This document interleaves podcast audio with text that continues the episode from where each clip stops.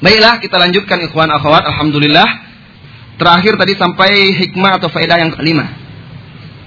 Masih dalam masalah tadi pernikahan salah satu jalan untuk mendapatkan rezeki dan bisa menjadi menjadi kaya. Imam Muslim dan Imam Ahmad meriwayatkan dan lafaznya ada lafaz Imam Ahmad dari sahabat Anas bin Malik radhiyallahu anhu Semoga Allah meridainya. Anna Nabi sallallahu alaihi wasallam khataba imra'atan ala Julaibib min abiha. Bahwasanya Nabi sallallahu alaihi wasallam pernah meminangkan seorang wanita untuk sahabatnya yang bernama Julaibib dari bapaknya.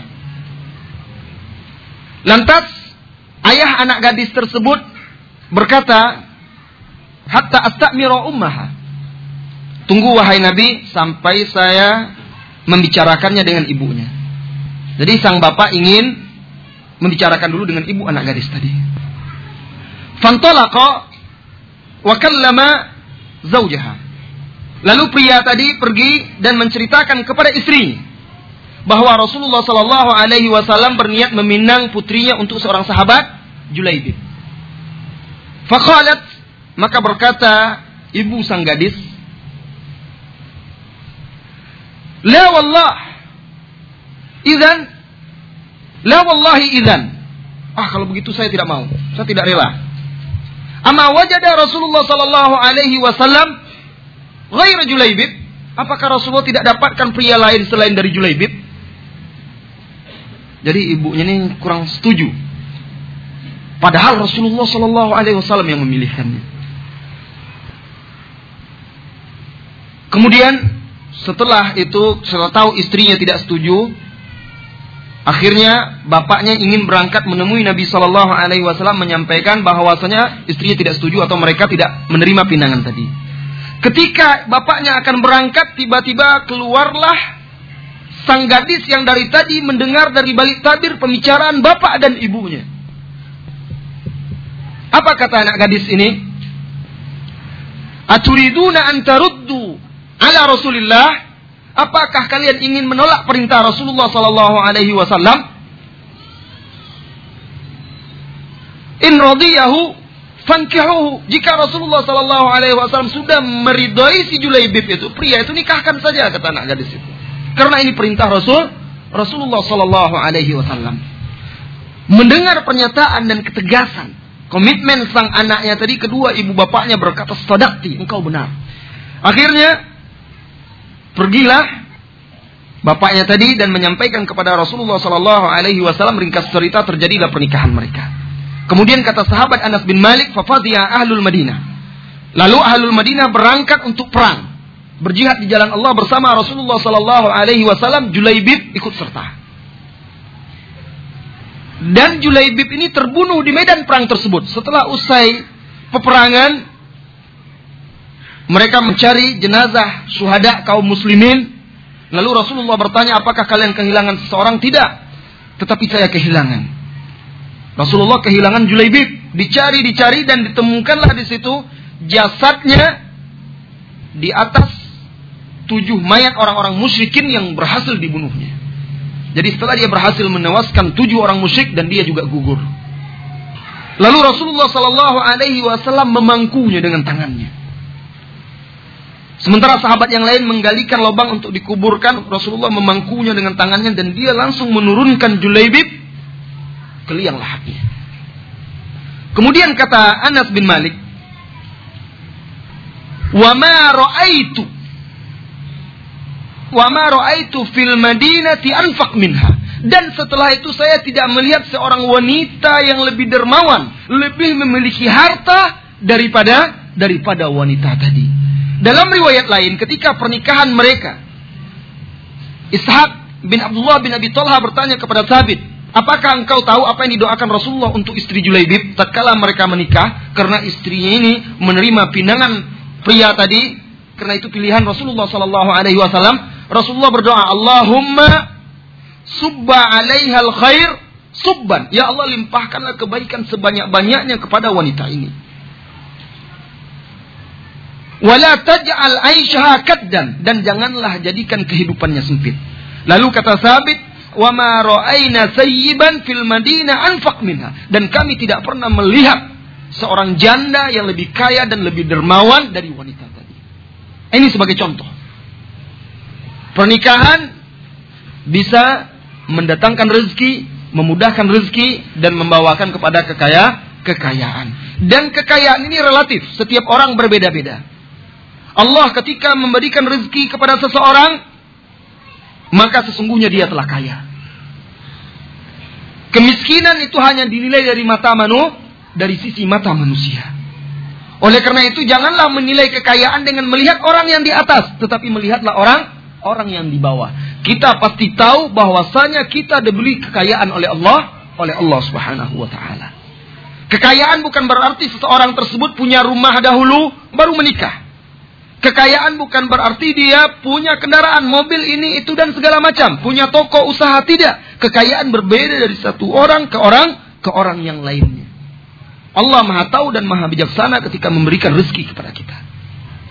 Lihatlah betapa tidak layaknya dan tidak pantasnya seseorang yang ukuran sepatunya 34 pakai sepatu 40 atau 50. Tidak akan layak, jelek dipandang dan mudah tersandung. Allah Maha tahu si fulan rezekinya segini, Allah tidak akan lebihkan. Kalau dilebihkan bisa jadi dia durha, durhaka. Lihat ke bawah kita betapa banyak orang-orang yang kurang dari daripada kita. Taulah kita bahwasanya karunia Allah sangat besar kepada kita. Di situ kita bisa menilai kekayaan. Jangan menilai kekayaan dengan melihat ke atas. Ikhwan akhwat yang dirahmati oleh Allah Subhanahu wa taala. Yang keenam, Tadi di depan sudah kita sebutkan, kita ulang lagi sedikit. Nikah adalah sunnah para nabi dan rasul. Sebagaimana telah kita singgung di atas. Al-Hasan, sebagaimana meriwayatkan dari Sa'ad bin Hisham. Sa'ad ini pernah berkata kepada Aisyah radhiyallahu anha.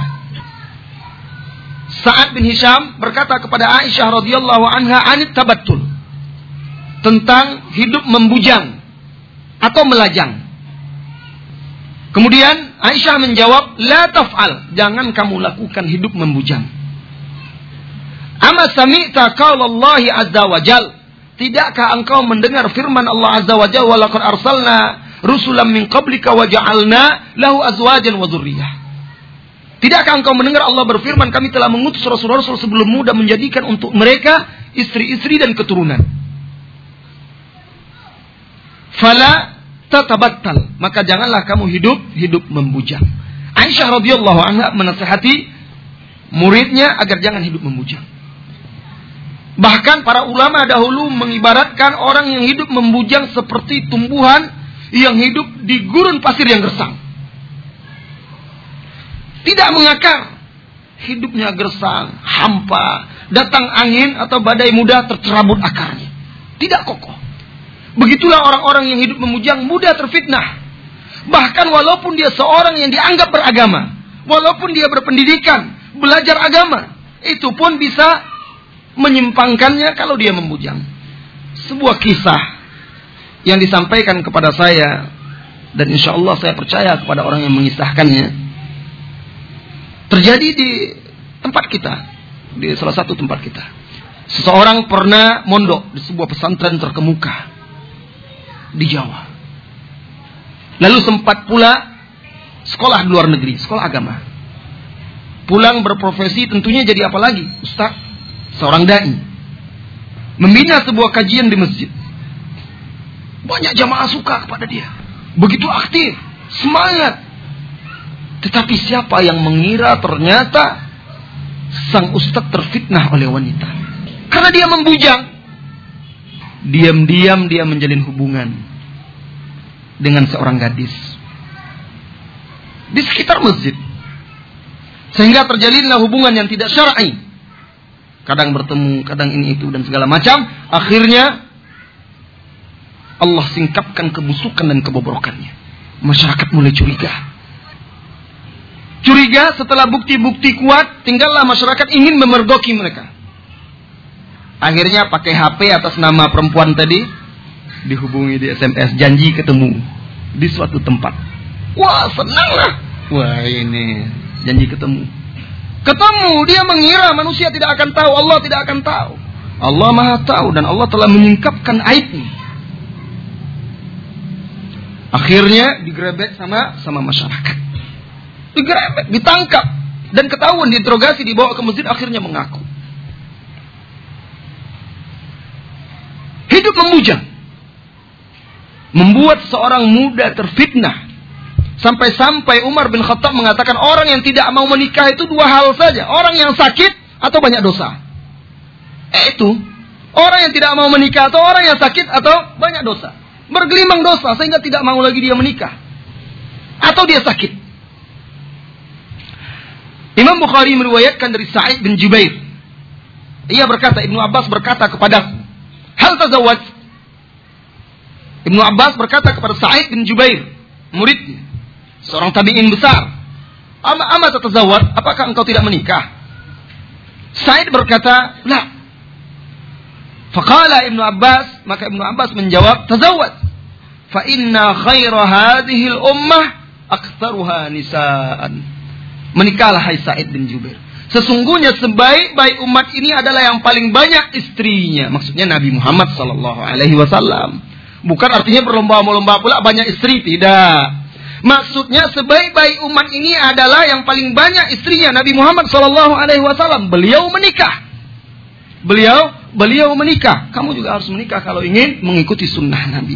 Oleh karena itu orang yang meninggalkan kehidupan dunia ini pernikahan dia menyelisih sunnah para nabi dan menyelisih sunnah Rasulullah Sallallahu Alaihi Wasallam. La rahbaniyata fil Islam tidak ada kependetaan, tidak ada kerahiban, tidak ada kepasturan di dalam Islam.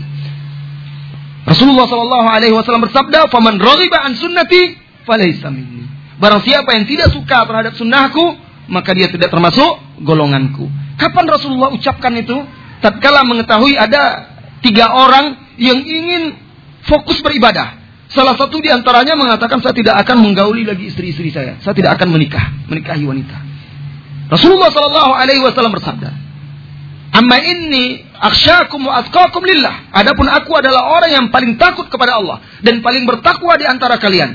Asumu wa uftir, saya berpuasa dan berbuka. Aku wa anam, saya salat malam dan tidur. Wa atazawwajun nisa dan saya menikahi para wanita. Faman raghiba an sunnati falaysa minni. Barang siapa yang tidak suka terhadap sunnahku, maka dia tidak termasuk golonganku. Jadi nikah sunnah para nabi dan rasul. Kemudian menikah mengembalikan semangat hidup, mempertahankan kepemudaan, dan menjaga kekuatan. Itu menikah.